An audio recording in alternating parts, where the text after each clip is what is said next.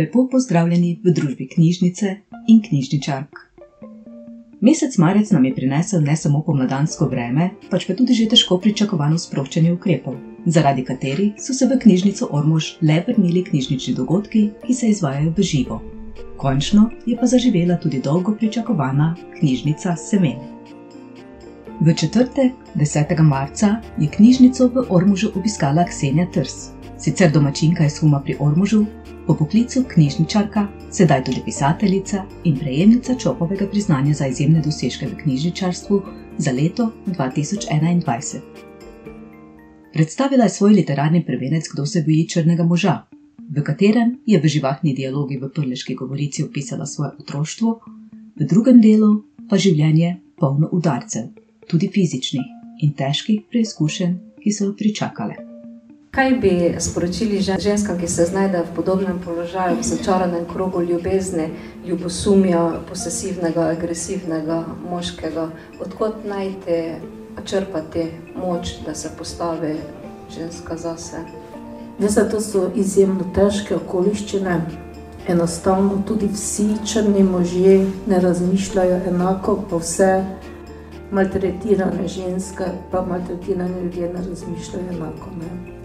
Lahko en vzorec pri enem paru doseže tisti svoj cilj, da se potem ne vse nekako pomiri, da gre v pravo smer, vsak v svojo stran, da nekdo doseže mir, da nekdo pač nekje druge si pač ustvari, kar si, lahko pa to čisto nasprotno. Lahko pa se sprevrže v tragedijo. Tako da jaz mislim, da tukaj enega vzorca ni, čeprav ti, ko se ukvarjajo s temi centri za socialno delo, pa to tudi ti, se mi zdi, da bolj govorijo iz teorije kot iz prakse. Ker nekdo, ko pa to da skozi, pa dobro ve, da ko se iz tega prebije, da ko preživi in da se postavi na noge finančno, psihično, da je vsega izjemno zmago. In kot sem že prej rekla, prvo načelo je, tudi če ne vem, kako globoko drsiš, ne sovraži, ker potem boš sovražil sebe, boš sovražil druge. Sovraštvo pa samo grdo prinaša. Ne pomeluj samega sebe. Sej tisto zdravo, no to je normalno, kdo pa ne, ampak vseeno se čim prej iz tega potegniti in pa na vse možne načine iskati izhod iz tega ven. Mi Jaz in moja dva otroka smo šli skozi okno, samo z eno koco, s tem, kar smo imeli oblečeno na sebi, brez žlice, brez vilice, brez vsega. Samo to je bilo. Pa veste, kaj mi od tega najbolj? Ne to jaz, ampak tisti otroci. Toneta Pršaka poznate vsi, če bo dane kot pisatelja, nekdanjega predsednika Društva slovenskih pisateljev in slovenskega centra PEN, pa vsaj zagotovo kot nekdanjega ministra za kulturo. Roman, ki ga je 17. marca predstavil obiskovalcem knjižnice Autoštop, je tretji del njegove autobiografske trilogije. Ker sem šel prvič v življenju čez mejo, se mi je zgodila ena zoprna situacija. Ne? Ker sem prišel v Nove Gorici na mejni prehod, ne? tam je carinik pa policaj, ličnik takrat. Ne? v eno sobo in sem se moral do čist dolgega sveč. Na čisto vse stvari, ki sem jih imel, ne samo vendati z nahrbtnika, z rugzaka, ampak razgrn po tleh, pa tako naprej. Ne. Da so oni vse to pregledali, da sem bil sumljiv, da nosim ne vem kaj s sabo. Ne. In pol, ker nisem nič našla, sem se moral pa v, tako rekoč v minuti nazaj obleči, pa vse ti stlačiti v rugzak in zginiti. No, takrat si šel v Benetke, tako za dva dni, ne. pa nazaj. Naslednje leto sem si pa naredil zelo ambiciozen načrt. Ne. Najprej sem delal pri enem oblitniku, da sem nekaj denarja zaslužil ne. v Murski sobote. Potem sem se pa napotil in sem se zaklel, da bom to pot preštopal. Da sem šel iz Murske sobote čez Avstrijo, Nemčijo, Dansko, v Švedsko, v Štokholm, pa v Psalo, potem pa nazaj čez Dansko, pa Nemčijo, pa Švico, v Južno Francijo, v Avignon, kjer je bil takrat, pa še danes je vsako leto en velik festival različnih umetnosti. Ne. Avignon je bil pa zanimiv in mi je, me je potegnil tudi zaradi tega, ker je Avignon, vse mogoče to verjamem, da to marsikdo ve. V Avignonu je nekaj časa bil sedež papeža. Ker so papeži bili v Italiji, v Rimu, tako ogroženi zaradi teh vojn med temi Eh, vojvodstvi, eh, državicami, ne papeška država je bila predtem, pa so pa papeže v bistvu te posvetni vladarji premagali. Ne? In eh, je ta država propadla, papeška, ne? in potem so papeži tako rekoč za skoraj sto let zbežali v Avignon in so tam zgradili skozi stojene, kot 75 nekaj takega let, v tem času zgradili eno veličastno papeško palačo, ogromno, kjer je sam kapela, v kateri je papež molil, bila večja od Ljubljanske stolnice. Z nami in svojo ganljivo življenjsko zgodbo v knjigi Sam Bog naj bere je še vedno tudi Alenka Čurin Jančekovič. 18. marca jo je predstavila še na Kogu, 1. aprila pa pri svetem Tomažu.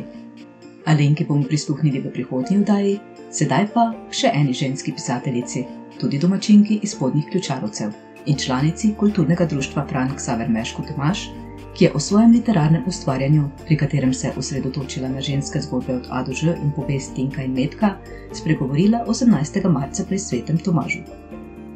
Mariji Gašparic sta se na odru pridružila tudi vnuka Benmaj in Julija, ne le kot glasbena gosta, pač pa tudi kot babičin navdih in pomoč pri pisanju. Ja, življenje je preneslo marsikateri dogodek, ki sem ga jaz pač eh, nekako zapisala. Če omenim enega bolj, ki mi je ostal v spominu, v začetku, ko sem bila v službi, še mlada, je bil tudi tak čas, kot je zdaj, pred 8. marcem. Pa smo imeli eh, v tovarni, kjer sem delala, v Til, Pormož, razstavo ženske ročnih del. Pa sem jaz takrat naredila eno košarico iz plastičnega kozarca, to je takrat, so bili že kozarci, nekaj novega, ne, plastične. In eno košarico sem na tisto razstavo dala in je bila kar lepa, tako zelo je bila lepa, da je noge dobilo. in naenkrat košarice ni bilo več nikjer, nekdo jo je pač vzel in sem mislila, ja, pa zakaj, pa kako, pa, pa sem napisala zgodbo, Na hitro sem napisala zgodbo z naslovom Košarica v prvi osebi, da govorim kot košarica, kako sem nesrečna, da so me odnesle in sem na tisto mesto dala tisto zgodbo. In takrat se je začelo. Eden je videl, drugi je videl, pa so me za kakšno slavje, za kakšne rojstne dneve. Sem vedno jaz bila tista, poleg, ki sem napisala. 29. marca smo v okviru filmske značke v Ormoški knjižnici pripravili prvi filmski večer na katerem smo si ogledali film Mož z imenom Ove. Novi filmski večer vas bo pričakal tudi v mesecu aprilu in pokazal, da je tudi knjižnica lahko kinodvorana. In to brezplačna. Od 23. marca naprej potekajo ustvarjalne delavnice z Uško Ambrož, kjer bodo na svoj račun prišle predvsem predstavnice nežnejšega spola, še zlasti ljubitelice nakita. Popotovati pa smo začeli že v središču Obdravi, kjer je v tamkajšnji Sokolani 1. aprila bilo izvedeno prvo letošnje potopisno predavanje, na katerem smo se odpravili v biser Kaukaza, Armenijo. April bo torej ponovno poln dogodkov, druženja, zanimivih gostov in upamo, da tudi zdravja. Pričeli ga bomo s sodelovanjem z območnim združenjem Rdečega križa Ormož, ki bo 6. in 7. aprila v knjižnicah v Ormožu, pri Svetem Tomažu in v središču v Dravi izvajalo meritve krvnega tlaka ter vrednosti sladkorja in holesterola v krvi. Predšolske otroke in učence do 6. razreda osnovne šole vabimo, da se pridružijo na vihani Piki Nogavički in njeni brani znački, mlajše otroke k obisku pravličnih ur, vse vas pa, da ne pozabite na svetovni dan knjige in noč knjige. Čas je za glasbeni predah, mikrofon pa prepuščam kolegicam Nini Šulek in Jani Petek ter težko pričakovanim knjižnim novostim lepo polno še naprej, z vami sem bila Marinka Vnuk.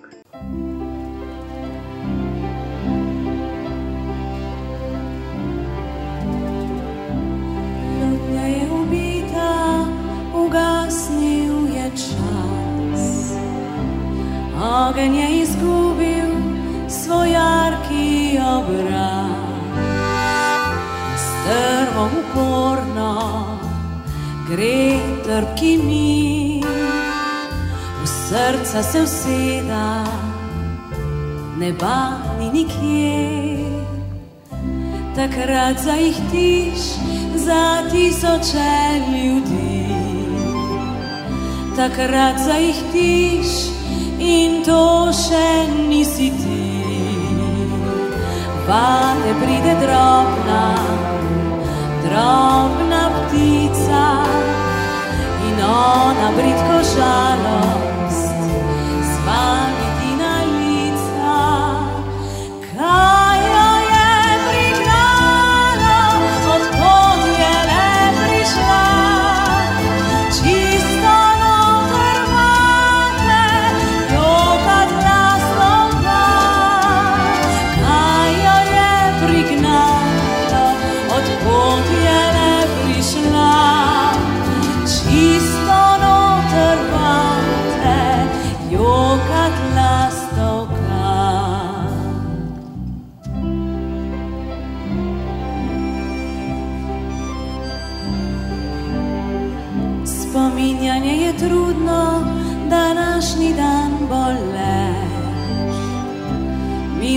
kaj še pride, je več kot odveč.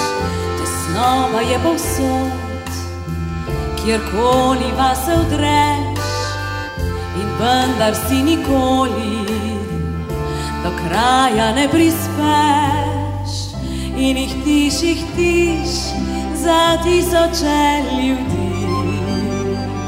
Jih tiš, jih tiš, jih tiš in to si tudi ti. Vate prišla je. Drobna, drobna ptica in ona sladko žalost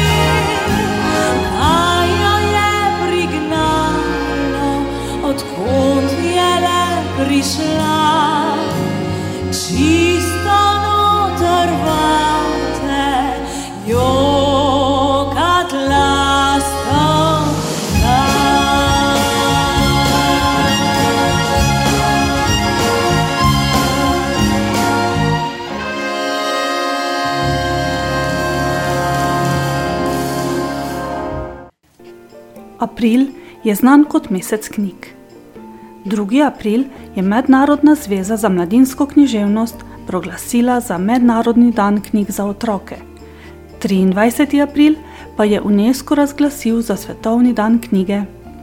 Nekaj avtorjev in njihove nove knjige bomo v naslednjih minutah osvetlili v današnji aprilski oddaji. Uvodoma naj predstavimo Elo Peroci in knjigo z naslovom Med pravljice, ki je že bila predstavljena v marčevski oddaji Knjižarjenje. V zbirki najdemo avtoričine najbolj znane pravljice.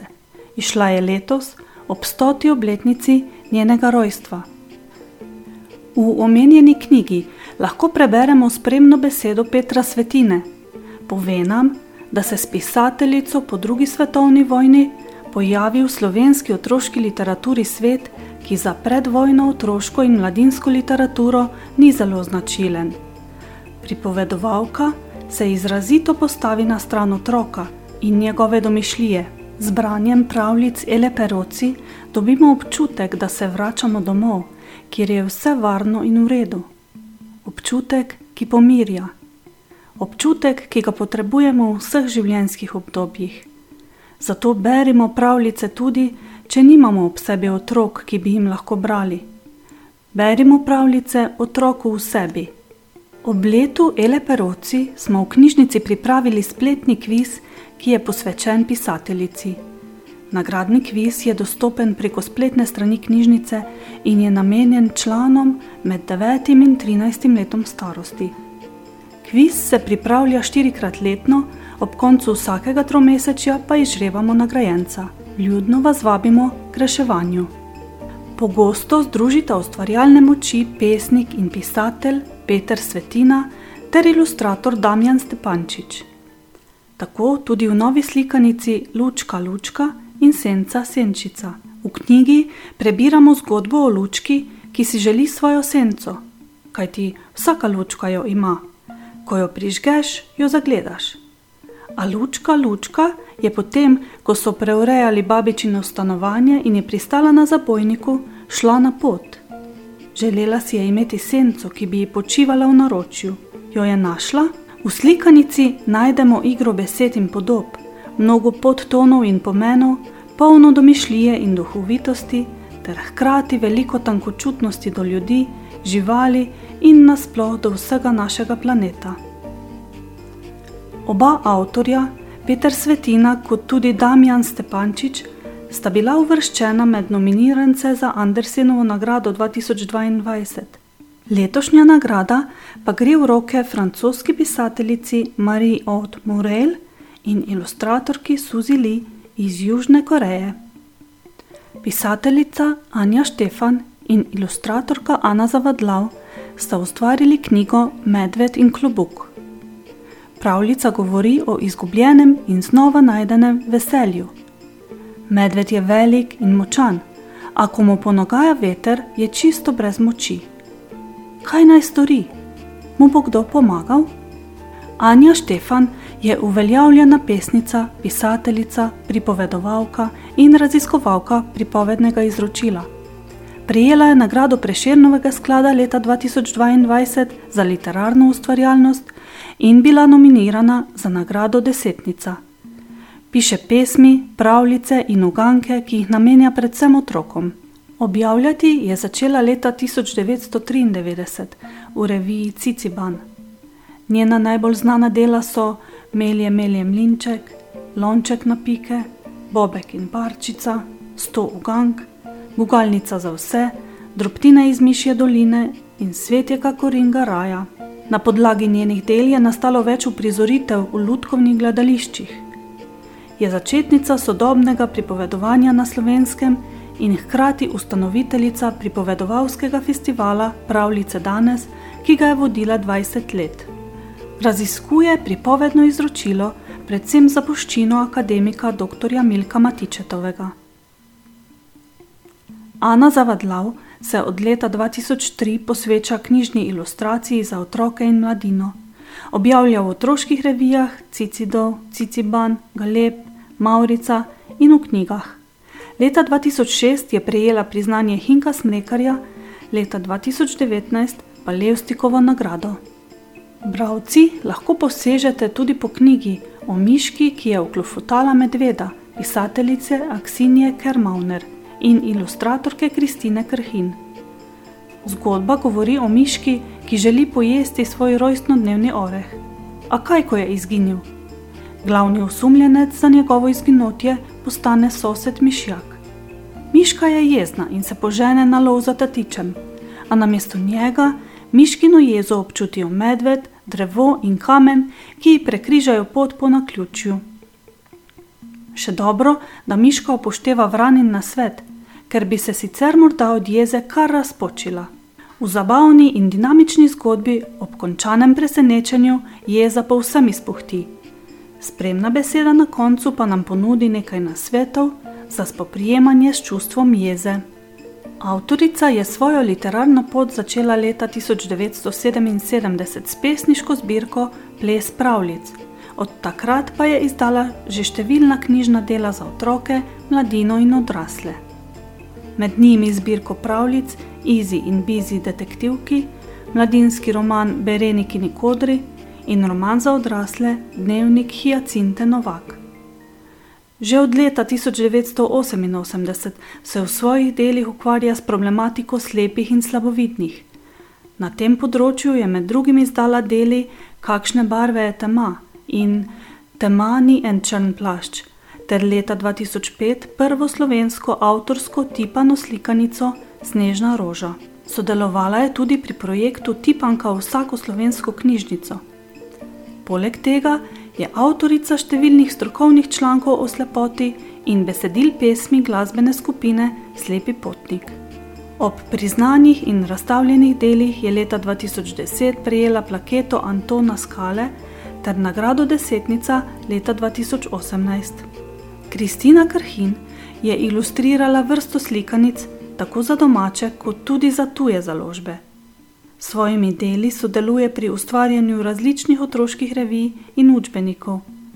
Leta 2004 je prejela plaketo Hinka Smrekarja in številne nominacije med leti 2005 in 2015. Za dela Slavka Pregla je značilen realističen način pisanja. Njegova tematika vsebuje zabavne in napete pripovedi o mladih, pri čemer je pogosta problematika tudi soočanje mladih s svetom odraslih. Za avtorjeva mladinska dela so značilna vedrina, radoživost in humor. Med številnimi deli izstopajo predvsem pripovedi o duhovitih skupnih postolovščinah. V njegovih mladinskih delih je večkrat mogoče zaslediti temo, kako starši oziroma starejši gledajo na mlajšo generacijo in kakšen odnos imajo starši in otroci med seboj. V novi knjigi Slavka Pregla z naslovom 14 od 3 nastopajo trije prijatelji, Taras, Gal in Varja.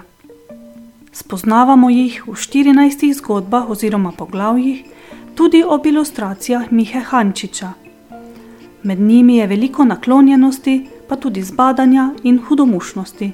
Trojici ni dolg čas. V njihovi družbi kjer je veliko navihanih domislic, pa tudi pravcem nikakor ne. Miha Hančič je avtor stripov, ilustrator in diplomirani likovni pedagog. Stripe objavlja v revijah Galeb, Ciciban in Stripburger, za ilustracije v knjigi Moje ime je Skywalker pa je prejel Zlato hruško. Samostojno je razstavljal na Trnfestu v okviru projekta Poletje v stripu, v MC Kotlovnica v Kamniku in lični hiši v Ajdovščini. Dve njegovi deli sta bili uvrščeni na zadnji bienale slovenske ilustracije. Ilustriral je tudi kratke zgodbe Maše Ogrizek, Koko Dajsa v mestu, kartonko Koko mesto ter stripa Koko Krišna in Luka iz bloka.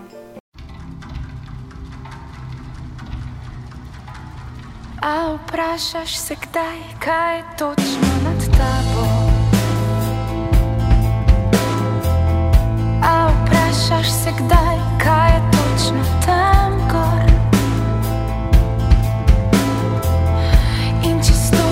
Na prste, a si res bliže,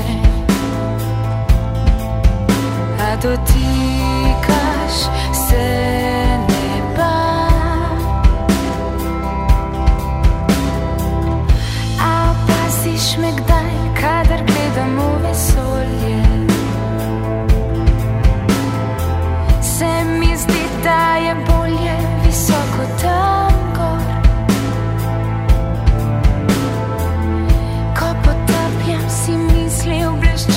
to morje, čutim, da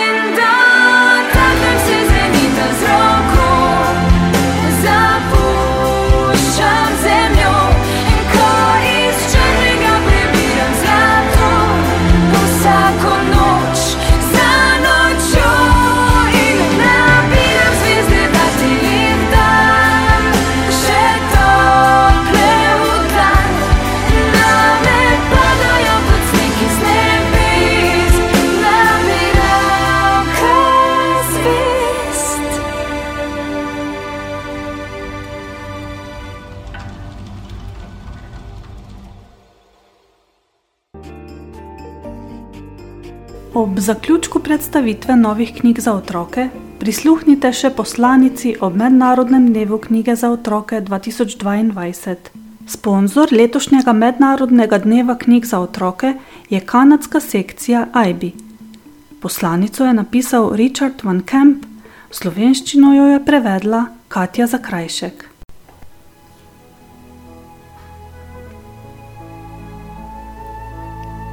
Branje je svoboda. Branje je dih. Branje ti odpre nov pogled na naš svet in te povabi v svetove, odkuder sploh nočeš oditi. Branje tvojemu duhu ponudi priložnost za sanje. Pravijo, da so knjige prijateljice za vse življenje. Strinjam se s tem. Ti, kot popolno vesolje, rasteš le z branjem. Zgodbe so krila, ki te vsak dan ponesejo k višku. Zato poišči knjige, ki nagovarjajo tvojega duha, srce, um. Zgodbe so lek, zdravijo, tolažijo, navdihujejo, učijo. Blaženi, ki pripovedujejo in ki berejo in ki poslušajo. Blažene knjige. Lek so za boljši, svetlejši svet. Masičo. Najlepša hvala.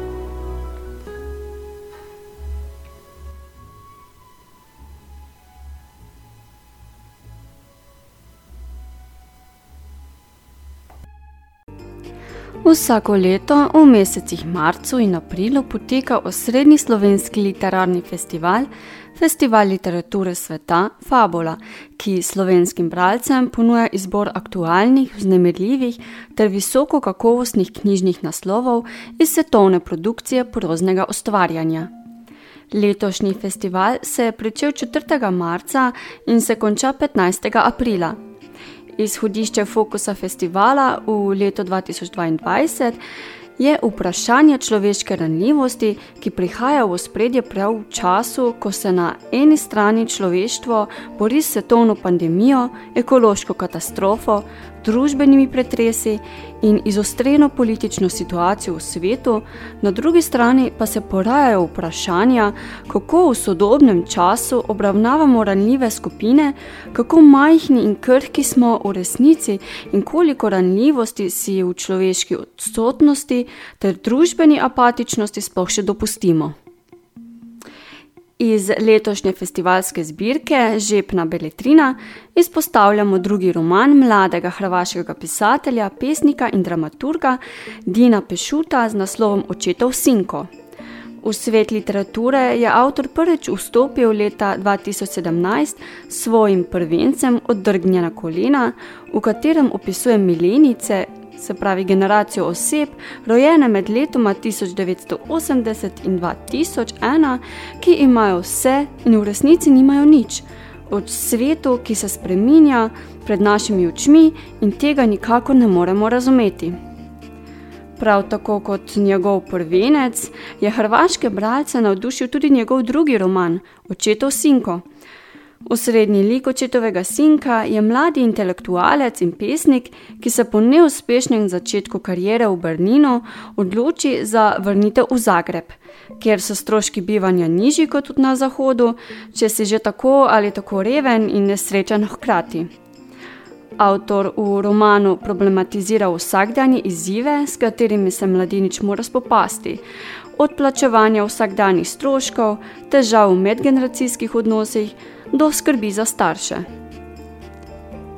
Zagotovo vas bo navdušila tudi priznana japonska pesnica, pisateljica Mieko Kawakami s svojim romanesknim prevencem Vsa moja poletja, v katerem nam približa življenje treh žensk, dveh sester in ščirke oziroma nečakinje, ki se soočajo s frustracijami in negotovostmi pri iskanju lastne sreče v prihodnosti. Zgodbe glavnih likov prikazujejo podobe materinstva, rojstev, integritete ženskega telesa, svobode in sprejemanja težkih odločitev, s katerimi se sooča marsikatera ženska. Med knjižnimi novostmi vam predstavljamo tudi roman Ne me siliti, da ti lažem avtorice Suzane Zagorc, ki je magistrirala iz komunikologije in je zaposlena v javni upravi. Leta 2015 je izdala izpovedno knjigo Kaj pa vidva čakata, v kateri opisuje svoj lastni projekt, kako dobiti otroka. Kljub močni želji po otroka ga zaradi nepredvidljivih posledic ni in ni. Po porazu za porazom spozna, da otrok ni samo projekt, temveč tudi čudež. Roman Ne me siliti, da ti lažem pa nam prikazuje sodobno življenje dveh uspešnih prijateljic, ki kljub uspešni karieri spoznata, da je njuno zasebno življenje na preizkušnji. Prva se sooča s prevaro moža in razpadom zakona, druga pa se ob izpovedi prijateljice sprašuje o meji med odgovornostjo in sebičnostjo ter o pomenu zvestobe sebi in drugim. Kajti tudi sama je v dilemi, ali ostati zvesta partnerju ali se zateči k ljubimcu, ob katerem se počuti znova živo.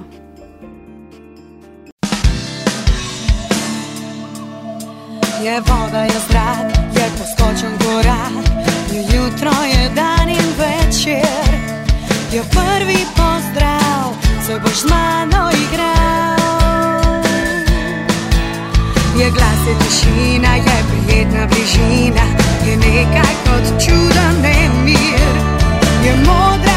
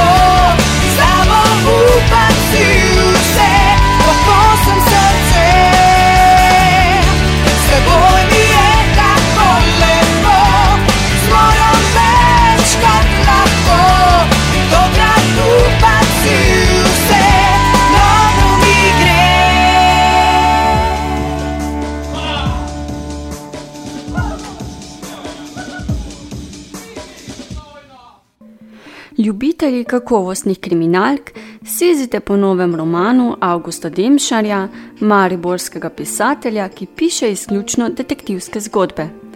Prvemu delu trilogije Vodnjaki, ki se je začela z obsežnim romanom Cerkev, sledi drugi del z naslovom Tajkun. Demšar znova ponuja napeto branje s številnimi zapleti in preobrati, Sama zgodba pa se kot v vseh njegovih prejšnjih romanih dogaja na Štajerskem, natančneje v Mariboru, kjer vas bo kriminalno dogajanje poneslo v izmišljeno vas vodnjaki na pohorju. Zgodba se odvija okrog premožnega slovenskega podjetnika Štefana Matjašiča, ki se nenadoma znajde v težavah, ko mu ugrabijo hčerko Saro. Zapleten primer ugrabitve, ki sledijo umori, preiskuje znana ekipa kriminalistov, kateri se priključi še sveže upokojeni inšpektor Vrenko. Avtor skozi zgodbo opisuje odnose v bogati družini, njihove vrednote, hkrati pa prikazuje brezobzirnost podjetnikov, ki z neuspešnim vodenjem velikih projektov vplivajo na usodo malih ljudi, ki ostanejo brez možnosti za dostojnejše življenje. Med kriminalnimi zgodbami boste našli tudi prvenec Zdenka Novaka Sence v ogledalu. Avtor je že od malih nog rad bral in pisal.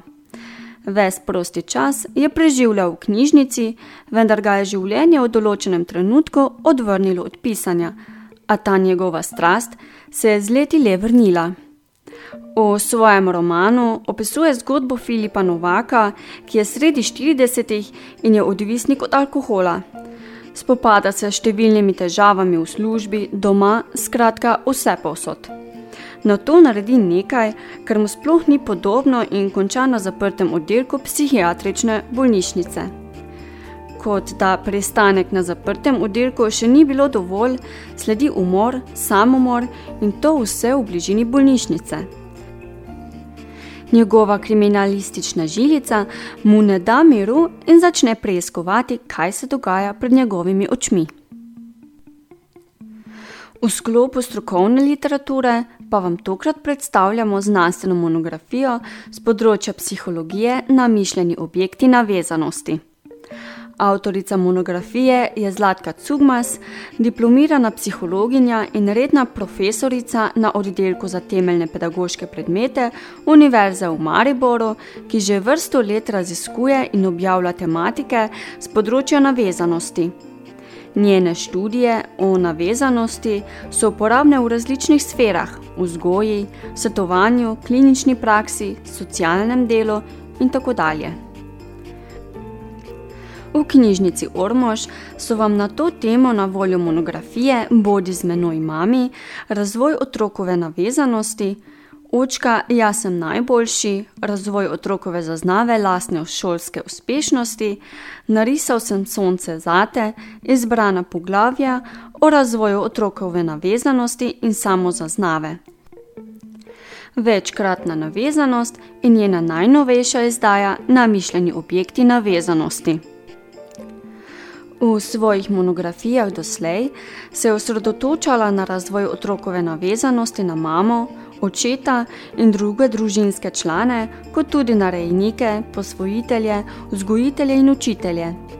Med objekte navezanosti je opredelila tudi živali, partnerje, kraje in dejavnosti, ki dajajo občutek varnosti. V monografiji Namišljeni objekti navezanosti se avtorica še bolj poglobi in obravnava navezanost otrok, kot tudi odraslih na objekte, s katerimi nimajo neposrednih telesnih stikov. Ti so lahko zgolj oddaljeni, lahko pa so celo nevidni ali izmišljeni, to so naprimer nerojeni otroci, namišljeni prijatelji, slavne osebe, partnerji, s katerimi posamezniki komunicirajo le preko spleta geografsko oddaljeni partnerji, nekdanji partnerji, bog in mistične osebe, nostalgični spomini in preminule osebe.